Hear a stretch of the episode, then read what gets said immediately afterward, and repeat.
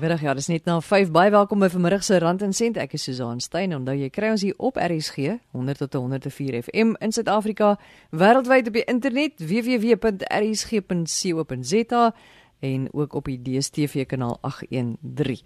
Ons gaan vandag in die laaste maar beslis nie die minste nie van ons reeks saam met Delphine van Wyk oor die vier pilare waarop sy glo die sukses van 'n mens se sakeonderneming berus, gesels oor bemarking. Dan ook as daar tyd is, Dit was onlangs internasionale testamentweek. Gaan ons 'n bietjie praat oor uh, jou testament. En dan het ek 'n brief gehad van 'n luisteraar, eintlik twee luisteraars, wat albei vrae gevra het oor begrafnispolisse. Nou Andrei van Woester is 'n afgetrede prokureur. Hy sê hy het baie daarmee te doen gehad terwyl hy nog gepraktiseer het. Is 'n polis werklik 'n goeie ding om te hê of 'n begrafnispolis 'n goeie ding om te gaan uitneem? Ek het vroeër vir hom gevra wat sy ervaring was in die jare toe hy nog daarmee gewerk het. Kyk, meeste mense het 'n begrafnisversekering op begrafnispolisse of soos die ou mense dit noem 'n begrafnisboekie. Nou hulle neem begrafnispolisse uit op 'n sekere stadium van 'n lewe en teen 'n sekere bedrag. En dan betaal hulle die begrafnispolis en op 'n stadium as dit dan klaar betaal of opbetaal en dan reken hulle dit is in orde so. En op die dag of die tyd wanneer dit nodig is, 'n hele paar jaar later, dan vind hulle maar dis heeltemal ontoereikend vir die koste van 'n begrafnis op daardie stadium. En ons vind dit baie keer met plaaswerkers dat mense verkoop aan hulle begrafnisversekering, dit word klaar betaal en die dag wanneer dit uh, nodig is vir 'n paar jaar later, vind hulle maar dis heeltemal ontoereikend dit dek nie die koste van 'n begrafnis nie. En ons het dan baie mense adviseer en sê maar maak seker dat jy die begrafnispolis op datum hou ander woorde dat jy seker is dat die waarde van jou polis 'n uh, begrafnis van vandag sal dek en so aan.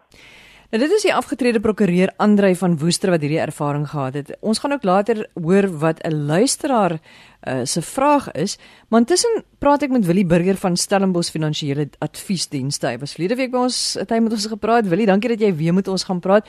Ons praat nou oor begrafnispolisse. Jy is al jare in die finansiële dienste sektor. Kan jy vir ons help? Wat is jou mening daaroor? My ervaring van begrafnispolisse is en ek is meer as 30 jaar in die bedryf waarin ek versekerings verkoop en ek het in die 30 jaar wat ek versekerings verkoop en daarmee te doen het as oud bankbestuurder, het ek nog nooit 'n begrafnispolis aan 'n persoon verkoop nie. Die rede wat daar ek vir jou daaraan kan gee is dat begrafnispolisse word verkoop en daar is van die instansies wat baie goed doen met die mense. Die feit dat ek nie verkoop het nie, is dat ek doen beplanning van mense en ek sorg dat daar voldoende lewensdekking, lewensversekering uitgeneem word en dat mense dit kan gebruik. 'n Begrafnispolis het wel sy plek. As ek vat my ouers, hulle het almal begrafnisboekies gehad wat hulle destyds uitgeneem het en later aan volop betaald gemaak het. En aan die einde van die dag toe hulle te sterf gekom het, was daai gelde hopeloos te min om te betaal vir die kostes van die begrafnis. En sover my kennis aangaan, is die kostes tussen of jy begrawe word of jy verhaas word en daar is nie veel verskil daarin nie. Wat wel 'n baie groot voordeel is is dat die minder gegoede mense is baie gestel daarop dat daar wel vir hulle begrafnispolisse uitgeneem word. Want hulle wil seker maak dat hulle familielid 'n goeie begrafnis kry. Hulle is baie gestel daarop. So ja, daar is 'n wel geweldige groot mark vir begrafnispolisse. Juis omdat mense wil so gou as moontlik wanneer iemand wegval, wil hulle graag die geld hê om 'n kus te kan betaal, 'n 'n gat te kan koop. Ek noem dit nou maar sommer so, 'n gat te kan koop en om die mense wat die begrafnisreël te betaal. Maar wil jy sou jy dan sê as jy nie 'n begrafnispolis het nie, maar jy maak in jou boedelvoorsiening vir 'n begrafnisbetaling dat jy nie daai geld onmiddellik kry nie, maar wel met 'n begrafnispolis? Ek kan vir jou sê dat daarvan jou groot maatskappye betaal vir ons binne in 24 uur betaal hulle vir ons geld uit wanneer die geld begunstig is. Met ander woorde as jy kom ons sê jy het 'n polis van 'n 100 uh, 1000 rand. Uh, dan kan hulle binne 24 uur vir jou 10% daarvan tot 50000 rand kan hulle uitbetaal as daar 'n begunstigde aangewys is en ons hulle voorsien van 'n doodsertifikaat. So op jou groot instansies en jou groot polisse word daar vinniger geld uitbetaal wanneer daar in, in plaas dan van 'n begrafnispolis vir 'n persoon te neem, kan hy op sy lewensversekering wat hy het by die groot instansies kan 'n vroeër uitbetaling gemaak word. Maar wat sê jy dan van 'n begrafnisboekie en 'n begrafnispolis? Is dit dan eintlik iets wat jy nie moet kry nie en dan nou maar eerder jou geld op 'n ander manier spaar?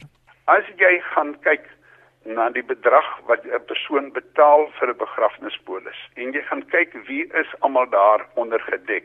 Dis die man, dis die vrou en dit is die kinders. Partykeer is dit die pa en die ma, dis die hele familie. Nou as iets gebeur en daar is nie geld nie, waar gaan daai mense geld kry om hulle persoon te begrawe?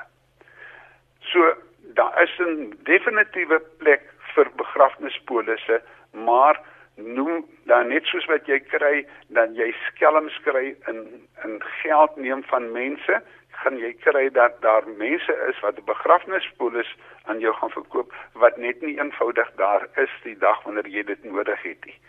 So wat my aanbeveling is is dat jy na die erkende mense toe gaan wat begrafnisse doen en by hulle begrafnispolis uitneem. Dit is een van die eerste goed wat die mense elke maand betaal. Want hulle wil nie graag met 'n probleem staan aan die einde van die dag wat sê ons kan nie vir jou help nie want jy het nie geld om te betaal vir die begrafnis nie. So ja, daar bestaan 'n groot behoefte by jou al jou minder gegoede mense die bekende instansies wat adverteer oor die televisie is landwyd en elke dorp is daar van hulle. Dit is die mense wat mens moet wat volgens my ek sal nader as ek 'n begrafnispolis vir my wil aankoop. Want dit is die mense wat oor jare daar gekom het en weet presies wat aan die gang is. Sodat wanneer iemand sterf, dan weet hy ek gaan na hierdie persoon toe, maatskappy ABC en ek gaan ABC sê ek het by julle 'n polis en ek kom nou want my my vrou is oorlede, my my kind is oorlede en jy moet nou vir my help. En dan verhaal hulle sommer die geld direk van die polis af. Party mense sê jy jy kan nie net daai polis uitneem of daai begrafnisboekie koop en vergeet daarvan nie. Jy moet gereeld gaan kyk, doen hy nog goed? Het jy nog genoeg geld daarop? Verskillende grootte begrafnispolisse. Jy kry wat vir jou R5000 gaan uitbetaal, jy kry wat vir jou R10000 in uitbetaal, jy kry wat vir jou R15000 gaan uitbetaal. Daar's mense wat 'n minimum voordele wat hulle voorbeeld uitbetaal. Ek sit te nou hier met 'n maatskappy. Die minimum voordeel wat daai maatskappy op 'n begrafnispolis uitbetaal is R20000. So jy betaal volgens die grootte van die polis. Volgens die hoeveelheid mense wat daarso is wat deel gaan neem of voordeel uit hierdie polis uit gaan kry. Jy sê dus daar is gevalle waar hierdie polis wel 'n plek het en waar hy goed is. Jy moet net seker maak by wie jy hierdie polis koop en seker maak dat hy genoeg gaan uitbetaal. En dan is daar tye wat jy eerder 'n alternatiewe plan sal maak. Jou probleem met jou alternatiewe plan as jy nie 'n begrafnispolis het nie. Baie van ons uh, minder gegoedes maak so. Hulle staan saam en hulle betaal almal 'n bedrag om hierdie persoon begrawe te kry as hulle nie voldoende fondse het nie. Nou kan jy gaan en jy kan sê ja, ek gaan vir my 'n begrafnispolis neem om die gemoedsrus te hê dat daar voldoende fondse gaan wees. Dit is die groot ding. Daar is definitief 'n groot mark vir begrafnispolisse. Daar moet net gekyk word om te gaan en te spaar Nou as ek vandag begin om R100 te spaar en ek doen dit vir 12 maande, dan het ek R1200. Maar as ek sterf in hierdie 12 maande en ek het 'n polis uitgeneem wat R20000 vir my gaan uitbetaal, dan gaan die R20000 vir my uitbetaal. Dan gaan die gaan die R1200 gaan te min wees vir my. So ja, as dit jy oor die lang termyn gaan kyk, dan kan jy dit spaar, maar ons weet mos nog nie wanneer ons streepie getrek is nie. So ons sal versekering is juis daar om onmiddellik vir jou voorsiening te maak dat as jy dit nodig het, dan gaan hy vir jou uitbetaal. Jy luister na Rand en Sent. Ons het vir Willie Burger van Stellenbosch Finansiële Adviesdienste op die lyn en ons praat oor begrafnisboekies of begrafnispolisse. Nou, jy het nou net gesê Willie dat 'n spaarplan dalk nie so 'n goeie idee is nie. Dit sluit aan by 'n vraag wat 'n luisteraar vir ons vra. Kom ons luister gou wat sy sê. Ek is 'n gewese kunsonderwyseres en eie broodwinner wat in 'n bestuursraadpos was sonder pensioen en medies. Wat ek bedank het gehoop het ek kan my eie besigheid begin sonder bedryfskapitaal. So tussen kunsklasse en my kuns maak ek 'n onstabiele inkomste. Ek het 'n baie beskeie behoefte en wil graag met 'n finansiële adviseur praat in verband met 'n begrafnispolis en of ek die geld in 'n spaarplan eerder moet belê. Willie, ek dink jy het haar vraag eintlik reeds beantwoord, maar maar wat sê jy vir haar? My eerlike aanbeveling is dat sy moet 'n begrafnispolis kry en dit kan deel wees van haar beplanning wat aan haar gedoen moet word. Met ander woorde, sy moet gaan kyk en sê ek het behoefte, ek het 'n kind wat ek nog moet grootmaak. Ek het 'n behoefte dat ek as ek wegval, moet daar geld wees vir my begrafnis en daar moet geld wees vir my kind om universiteit toe te gaan. Daar moet geld wees vir my kind om op 'n plek te kan bly. Ek self moet nou hier voorsiening maak. En dit is baie belangrik dat versekerings voldoen hier baie meer en vinniger aan die vereiste as wat in spaar sou gedoen het. Ek sal afsluit vir jou om vir jou te sê dat 'n spaarpolis het sy plek vir elke persoon. Dit is net dat die mense wat meer geld verdien, het ander maniere dan 'n begrafnispolis wat hulle kan gebruik om voorsiening te maak. Baie mense het kontant om dit te doen. Ander mense gaan en sê, "Man, dit maak nie saak nie. Maak nie saak wat ek het nie. Ek het kan byvoorbeeld by 'n maatskappy soos Momentum kan ek 'n begrafnisvoordeel saam met 'n lewenspolis van my kry wat onmiddellik vir my gaan uitbetaal. Dit hang af uit verskillende voordele wat jy betaal vir verskillende bedrae wat aan jou gaan uitbetaal. Wil jy ons tyd is ongelukkig verstreke, maar ek dink ons het 'n redelike goeie antwoord gekry. As jy al ouer is en jy het nie geld weggesit nie, jy het nie miskien genoeg geld in 'n spaarfonds nie, dan is dit dalk die beste ding om vir jou 'n begrafnispolis te gaan uitneem, maar maak net seker dat jy die regte polis uitneem of 'n polis wat genoeg dekking gaan bied om vir jou begrafnis te kan betaal. En as jy miskien 'n boekie lank lank gelede uitgeneem het, gaan kyk waar het jy dit gekoop en gaan sien, is daar genoeg geld gaan praat met iemand, is daar genoeg geld vir jou sodat jy kan seker wees dat as jy die dag jou kop neerlê dat jy weet uh jy gaan versorg wees, jy gaan 'n goeie grafie, jy gaan 'n goeie begrafnis vir jouself of vir jou familielid hê. Baie dankie Willie Burger, hy is van Stellenbosch Finansiële Adviesdienste en uh, onthou enige van ons gaste as jy 'n kontakbesonderhede soek, my e-posadres is erisgrandencent@gmail.com. Moet dit nie stuur na uh, een van die ander programme se aanbieders nie. Ek kry my e-posse net by erisgrandencent@gmail.com. Ons gaan voort met Rand en Sent hier op RSG. Onthou jy kry ons 100 tot 104 FM hier in Suid-Afrika of op www.rsg.co.za of op die DStv kanaal 813. Delphine van Wyk, ons het gepraat met haar die afgelope 3 Sondae. Vandag is die laaste in 'n reeks praatjies saam met haar. Sy bied programme vir klein sake ondernemings aan en uh, sy het vir ons die reeks gedoen oor die vier pilare waarop sy glo 'n suksesvolle sakeonderneming berus. Eerste het ons gepraat oor leierskap, toe tydsbesteding, uh, toe finansies en vandag sluit ons ons af met bemarking. Delphine, bemarking 'n baie belangrike stuk gereedskap vir jou sakeonderneming. Susan, ja, bemarking, jy hoor gereeld dat jy moet geld spandeer om geld te maak. Ehm um, dit is waarskynlik miskien waar as jy die kapitaal het om soveel begroting aan bemarking af te staan. Maar as jy 'n klein saakonderneming is of iemand is wat nou net begin, het jy nie daai kapitaal. Jy kan nie onmiddellik 'n webtuiste begin nie. En met die sosiale media wat so bedrywig is, hoef jy nie aan die begin al 'n webtuiste te hê nie. Nou wat baie van die klein ondernemings doen, hulle gaan begin 'n webtuiste waar hulle miskien R8000 of so betaal en dan kon hulle daai geld by iets anders aangewend het. Soos ek weer gesê het, met bemarking voel ek jy moet fokus op die basiese.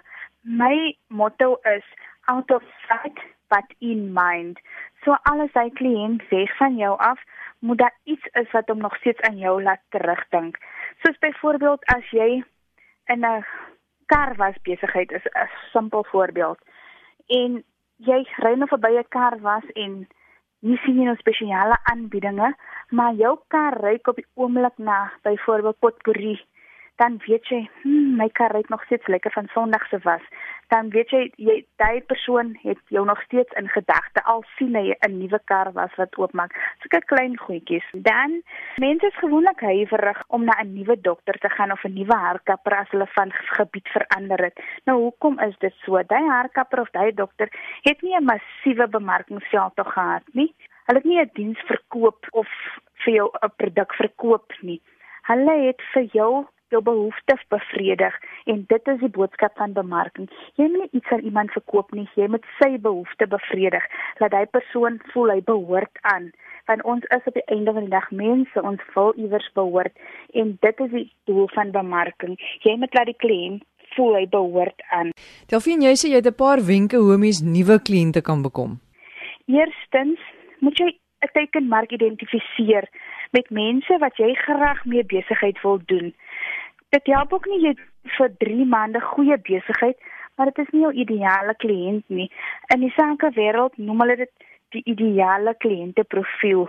Kyk met wat dit mark wil identifiseer sodat jy gemaklik is met die kliënte wat binne jou onderneming se deure stap. Dan moet jy begin deur marknavorsing te doen. Byvoorbeeld, as dit mense is wat onlangs 'n baba gehad het en jy het 'n mobiele wassery as byvoorbeeld, daai mamma gaan so bly wees as iemand daar veel bondel was goed kom haal en dit terugbring en is gestryk en skoon. Daai is die tipe netwerke wat jy kan bou. Vind uit van waar 'n nuwe baba in die huis of miskien is daar siekte in die huis en die vrou kan nie by haar gewone pligte uitkom nie. Sulke tipe goed moet jy doen as jy marknavorsing doen. Dan moet jy ook vriende maak byvoorbeeld met ou peer groepe, mense wat jy weet ander mense se lewe makliker maak. Ek gaan hom net op klein voorbeeldjies in. Jy moet dan ook weet die maklikste om nuwe kliënte te kry is 'n verwysingsstelsel. Maar wees versigtig om jou netwerkgroepie nie te groot te maak nie, want jy wil soos die Engelse sê under promise and over deliver. So as jy fokus byvoorbeeld op iets met sê jy doen kinderpartytjies, fokus op op peergroepe en skool sport en so identifiseer jou markte wat jy wil inkom. Maar as ek sê moenie jou verwysingsraamwerk meer as 5 of 10 mense maak nie, want dan gaan jy te besig word en dan gaan jy mense teleurstel. 'n Ander voorbeeld byvoorbeeld, as jy miskien in die finansiële bedryf is, miskien 'n makelaar of rekenmeester in jou netwerkgroepie, kan jy byvoorbeeld iemand hê in 'n bank in of in menslike hulpbronne So jy gaan weet wanneer hulle gaan jou oë en jou ore wees. As iemand byvoorbeeld 'n groot lomsom gekry het, as iemand 'n nuwe werk kry of van werk verander, as iemand erg geld gekry het, net as sulke voorbeelde as jy marknavorsing doen, is sulke goed om te let. Dit hang nou natuurlik af van die tipe industrie wat jy in is. Maar as jy regtig nou na 'n bemarkingsveld tog wil kyk, begin dan klein jy wil nie aanvanklik baie kapitaal investeer nie en jy wil maksimum resultate hê. So in die eerste plek kan jy byvoorbeeld opvoedkundige sessies aanbied om mense te bemagtig. Mense wil graag meer leer. Nou vir die finansiële ouens is dit maklik want mense weet nie baie van hulle finansies en hoe om te bestuur nie. So vir hulle is dit makliker om opvoedkundige sessies aan te bied. Maar ek het nou die dag vir iemand raad gegee wat kersse maak as 'n tuisnywerheid. En ek het vir gesê as 'n wenk kan sy byvoorbeeld elke maand op haar WhatsApp net vir alle kliënte stuur hoe bewaar jy jou kersse om dit langer te laat hou en dit is 'n wenk wat jy nie verwag die persoon wat vir jou kers verkoop gaan vir jou stuur nie. So dit is 'n waarde toevoeging vir dit wat jy gekoop het van hy persoon. En dis is weer eens wat ek sê, is sulke klein goedjies wat 'n verskil maak. Sy gaan nie by 'n uh, kettingwinkel gaan kersse koop nie. Van ja, dame Marie het vir haar laat weet hoe kan kersse kyk om dit langer te hou. So sy gaan terug gaan na Marie toe. Al kos Marie R10 miskien meer, maar dit is jou waarde wat jy toevoeg en dan kan jy 'n distribusielys opstel. As jy op e-pos dit doen, sit dit asseblief in die BCC veld sodat die ander nie kan sien vir wie stuur jy dit nie. Maar 'n distribusieveld lys kan jy dan doen met maandelikse wenke soos ek nou gesê het en dit gaan jou weer terugbring na out of sight but in mind. So as jou kliënt een keer elke derde maand inkom na die winkel toe, maar jy het elke maand in kontak gebly, gaan daai kliënt terugkom na jou toe want hulle weet jy gee om alkom doen jy nie inkopies elke maand by jou nie of mag maand van jou diens gebruik nie. Delphine, en dan moet 'n mens natuurlik nou ook nie van jou bestaande kliënte vergeet nie. Ja, weet jy wat baie mense maak die fout, hulle wil nou so groei, maar onthou nou wie jy deel dit aan die lewe gehou as jou bestaande kliënte. So moet nooit van jou bestaande kliënte vergeet nie. En ek sien dit baie met goed op Facebook wat hulle sê as jy op Facebook gaan like Nou as iemand 'n Facebook gaan like, beteken dit is 'n nuwe kliënt. Maar wat van al jou 10000 wat nou al reeds gelike het in die verlede. So moet nooit van hulle vergeet nie. En as jy na jou bestaande kliënte kyk, ook nou die geleentheid. Miskien is daar kliënte op jou basis wat jy nie reg wil meer verder 'n verhouding het nie. Dit gee jou dan 'n geleentheid om die kliënte te segmenteer A, B, C en D of 1 2 3 hoe jy ook al wil. So dit gee ook veel geleentheid om dit te doen. Maar soos ek sê, moenie vergeet van hulle nie. Gaan terug na hulle toe met 'n e-pos en sê, "Miskien as jy tandarts en is nou vir jou jaarliks sien jy die persoon was vir jaar nie daar gewees nie." So dan stuur jy 'n mooi e-pos en sê dit jy herinner hom net vir sy jaarlikse besoekie of so. Dit wys net weer jy dink aan hulle. Baie dankie Delphine van Wyk vir die afgelope 4 weke se bydrae. Sy het gepraat oor die vier pilare waarop sy glo die sukses van 'n mens se sake onderneming berus. Dit was Delphine van Wyk. Sy is self 'n entrepreneur en sy bied kursusse aan vir klein en medium sake ondernemings. Dit was dan die vier pilare: leierskap, tydsbesteding, finansies en vandag gehoor oor bemarking. Dis tyd vir ons om te groet. Ons gaan ongelukkig nie tyd hê om te oor testamente te gesels nie. Ek gaan dit volgende week doen. Intussen kan jy vir my e e-pos stuur na erisg@gmail.com as jy enige vrae het en as jy weer na enige van ons gesprekke wil gaan luister. Gaan na www.erisg.co.za, klik op potgooi, luister lekker of laai dit vir jou af op MP3 formaat en luister in jou eie tyd. Volgende week gesels ons verder. Lekker week vir almal.